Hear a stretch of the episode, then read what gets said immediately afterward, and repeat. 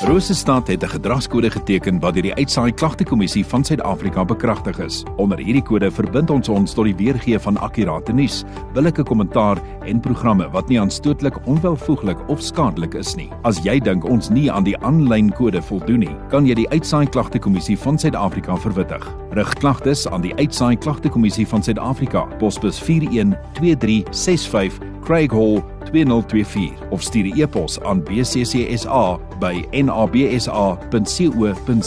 Vir verdere inligting, besoek www.bccsa.co.za.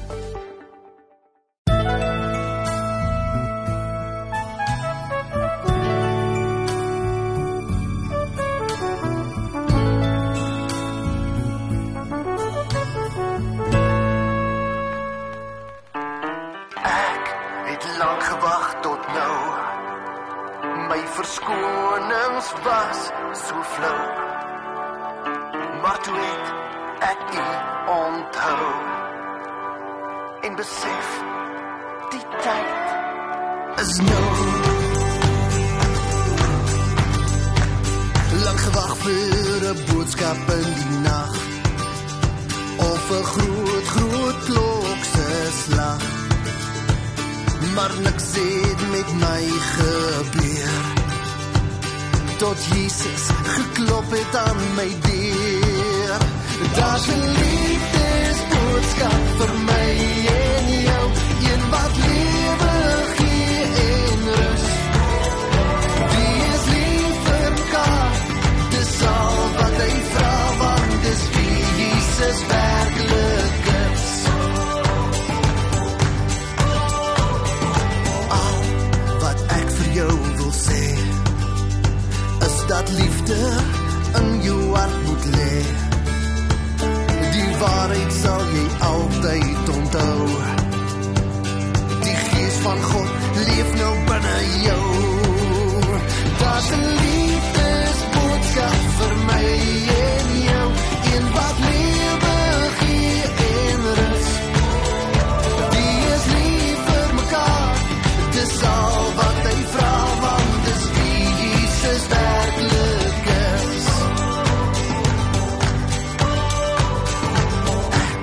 het lank gewag tot nou. My verskonings was so flou. Maar toe het ek u onthou. En besef, die tyd is nou. Daar's 'n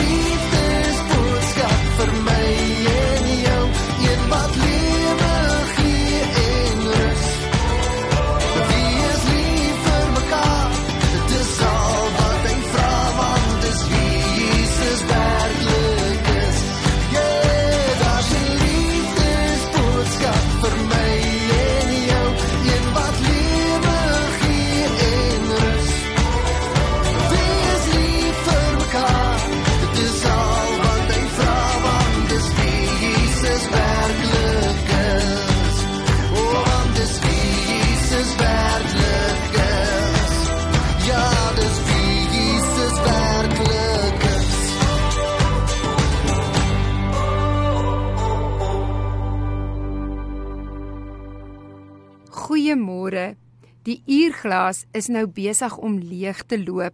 Die dae na Kersfees toe word al hoe minder. Vanoggend lees ons uit Jesaja 11 vers 1 tot 5. Maar daar sal 'n takkie uitspruit uit die stomp van Isai en 'n loot uit sy wortels sal vrugte dra. En op hom sal die gees van die Here rus, die gees van wysheid en verstand, die gees van raad en sterkte, die gees van kennis en van die vrees van die Here.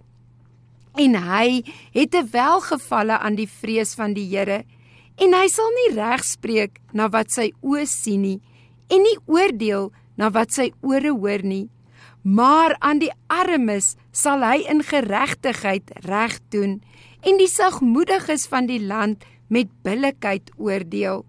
Maar hy sal die aarde slaan met die roede van sy mond en met die asem van sy lippe die goddelose doodmaak. En geregtigheid sal die gordel van sy lendene en trou die gordel van sy heupe wees. Hierdie profesie uit die tyd van Jesaja herinner ons onmiddellik aan die manier hoe Jesus homself aan ons voorstel as die seun van die mens. God het reeds in Genesis 3 vers 15 beloof dat daar uit die saad van die vrou iemand sal kom wat die slang se kop sal vermorsel. En hier hou Jesaja weer die ondenkbare, onverklaarbare, onverstaanbare waarheid van Jesus se vleeswording aan ons voor. Deur Jesus Christus in te skryf in die geslagsregister van Isaai. Hoe kan dit wees dat God na ons wêreld gekom het? Na ons alledaagse gewone wêreld. Hier waar ons woon. Hier waar ons rekeninge het om te betaal. Beddens het om op te maak. Gras het om te sny en 'n stryd om oorlewing het om te stry. God het voorwaar gekies om in die wêreld deur mense soos jy te kom op dae soos vandag. Die luisterrykheid van die eerste Kersfees is juis die gebrek aan die buitengewone. Stap vir 'n oomblik die stal binne en hou baba Jesus in jou arms vas. Sy lyfie is nog klam van die baarmoeder en hy is net in doeke toegedraai. Fees saggies met jou vinger oor sy wangetjie en luister hoe dat iemand wat hom baie goed geken het, hom aan jou voorstel. In die begin was die woord en die woord was by God en die woord was God. Hierdie bekendstelling neem ons terug na die heel begin na Genesis 1 vers 1 waar ons lees in die begin het God die hemel en die aarde geskape. Die baba wat Maria vashou en vertroetel word verbind aan die begin van die wêreld. Hy het die eerste sonstraal sien opkom oor die oosterkim. Hy het die eerste brander sien breek oor die rotse en die eerste geritsel van die blare in die wind gehoor. Jesus Christus wat die hele wêreld geskaap het, die wêreld uit niks geskaap het nie, het mens geword. Geen teoloog kon dit uitdink of geen rabbi kon daaroor droom nie. Maar God het dit gedoen. Die woord het mens geword.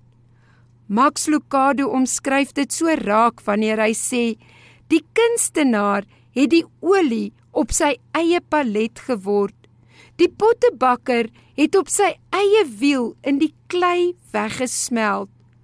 God het die embrio in die maag van 'n maagd geword.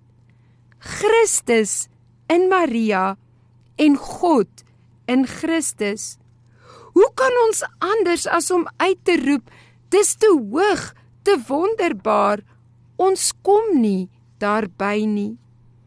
Hoe sal ons in elk geval ooit by God se storie wat ver bo ons gedagtes en verstaan in hemelse plekke geredigeer is, kan bykom? Dit is egter nie van belang nie.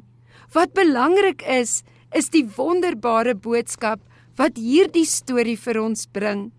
Dit is absoluut en onwankelbaar die waarheid dat die woord van God na die wêreld gekom het in die vorm van 'n pasgebore baba. Maria het hom gevoed, gebad, sy sandaaltjies vasgemaak, sy kleertjies aangetrek en sy seerkry weggesoen. Jesus het 'n aardse familie gehad. Boonop was hulle nie van adelike afkoms of bekend vir aardse roem en rykdom nie. Nee, Inteendeel, hulle het geen koneksies in die regering gehad nie en daarom kon hulle geen toutjies trek nie. Jesus, die skepper van die heelal, die een wat tyd en lewe geskep het, is in 'n familie gebore wat so eenvoudig en gewoon was dat niemand eers vir die swanger mamma in wording 'n bed wou gereed maak nie.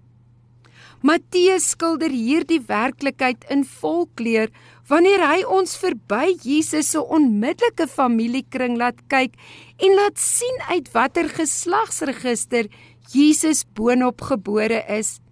Lees dit aandagtig deur in Matteus 1 vers 1 tot 17 en sien die gebrokenheid van hierdie stamboom tussen die lyne vloei.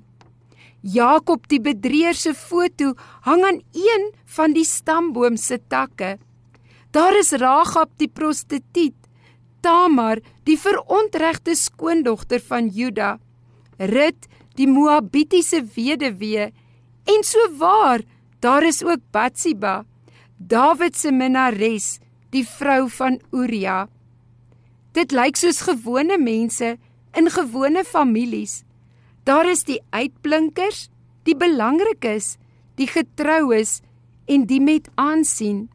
Maar daar is soos in enige familie die skandemakers, die ontroues, die bedrieërs en die geringes. Kleivoet mense, foute maak mense, sondaar mense, gewone mense soos ek en jy. Nie een van hierdie mense was bo-gemiddeld vroom nie.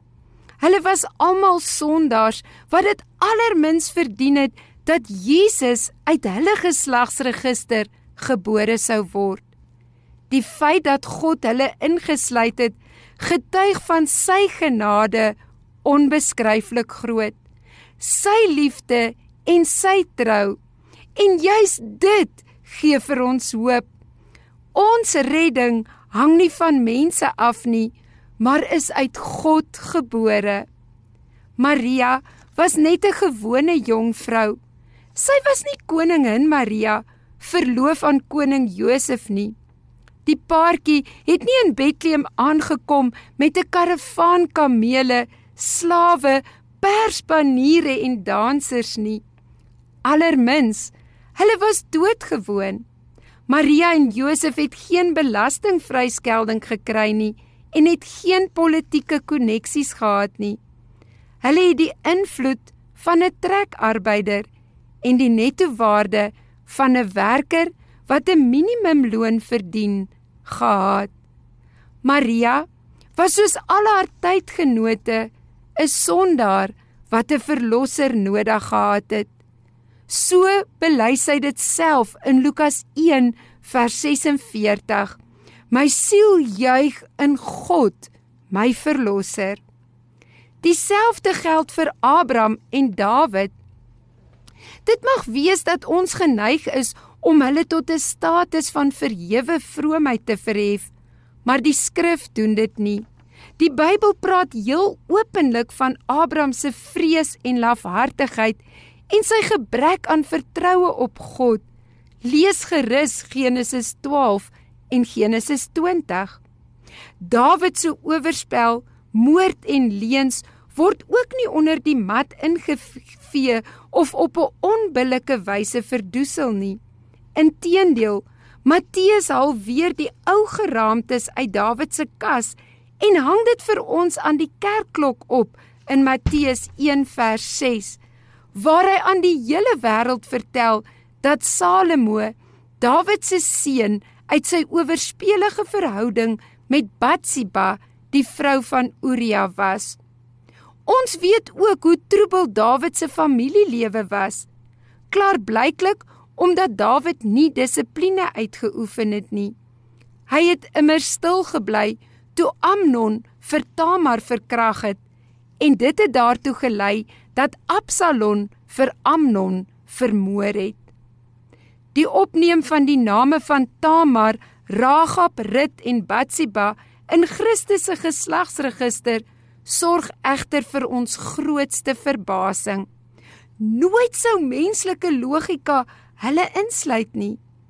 Tamar was Juda se Kanaanitiese skoondogter. Sy kon nie 'n kind hê nie en het haar skuldig gemaak aan prostitusie en bloedskande. Sy het haar eie skoonpa verlei deur haar as 'n prostituut te vermom.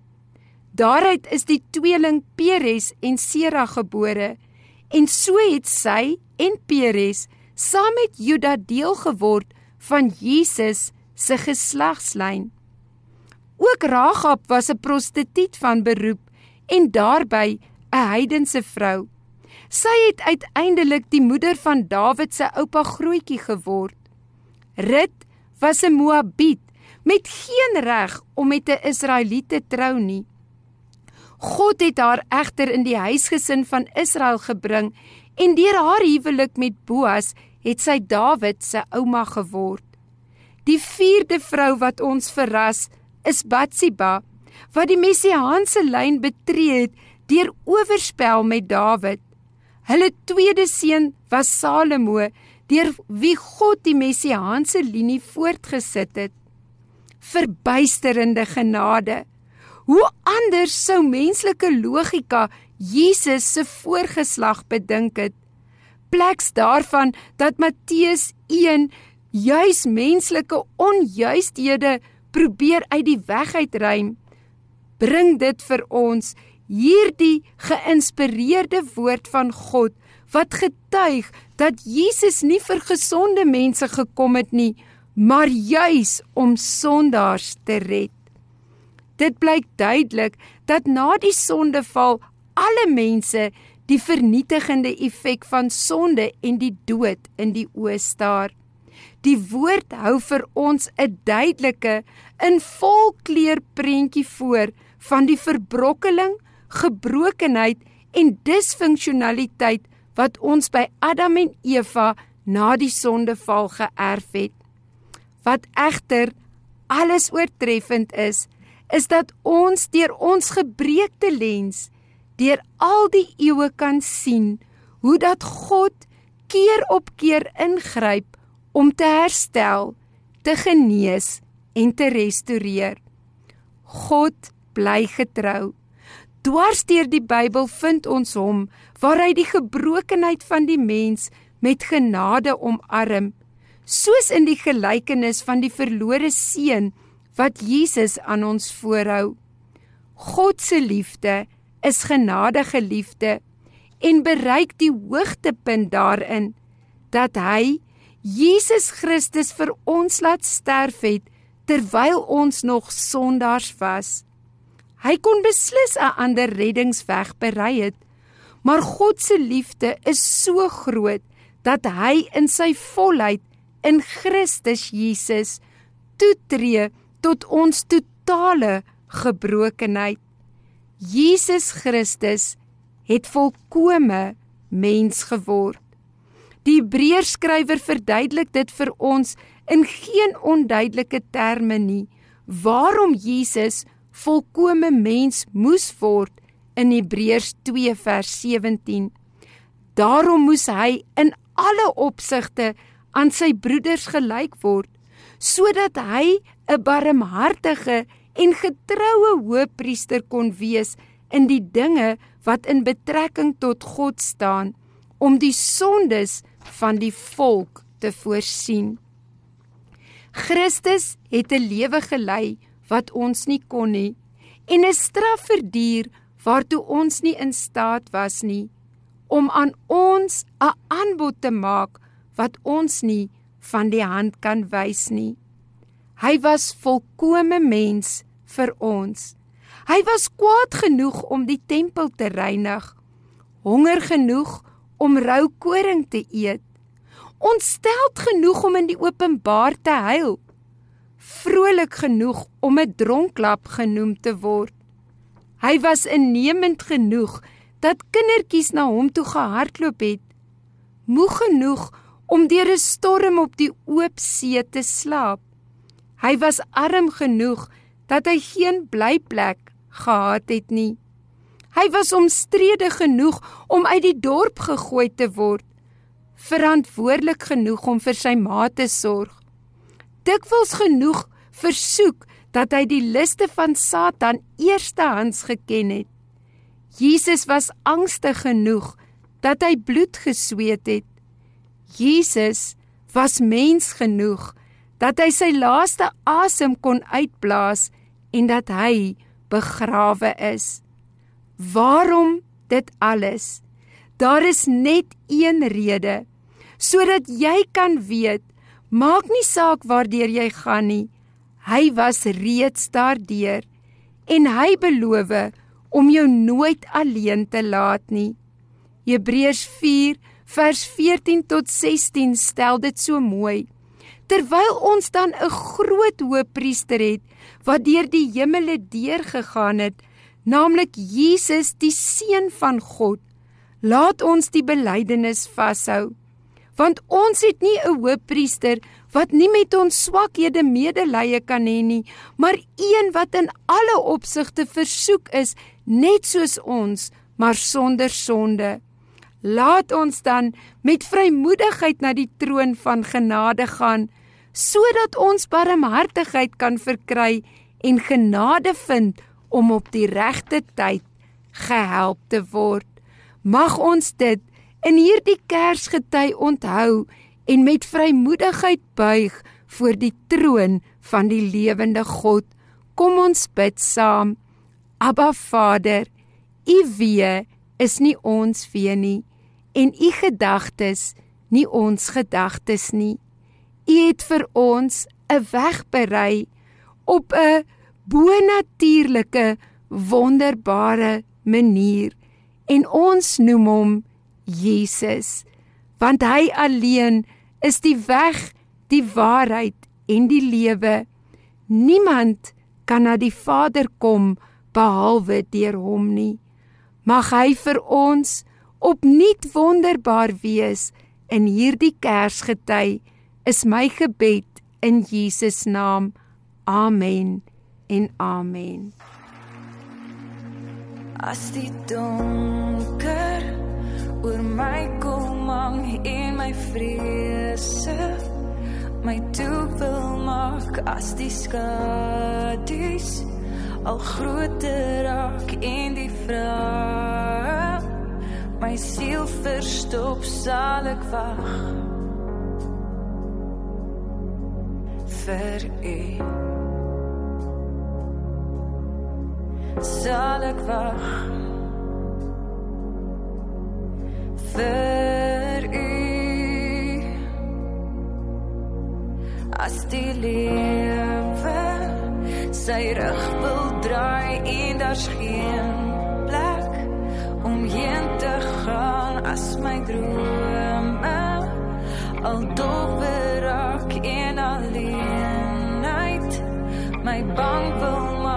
sal ek wag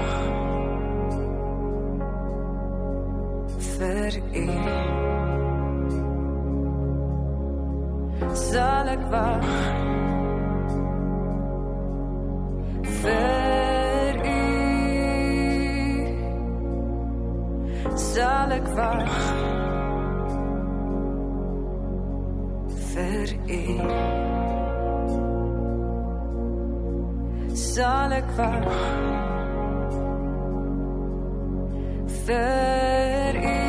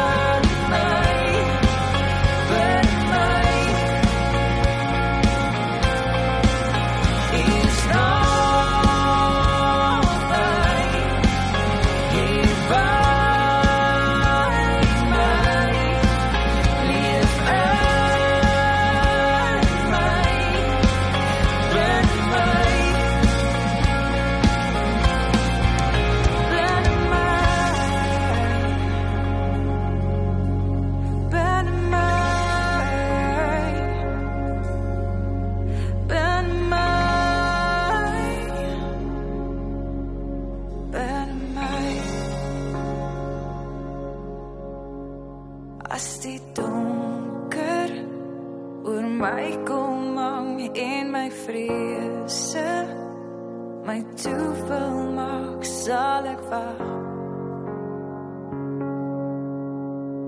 vir u sal ek wag. Vir u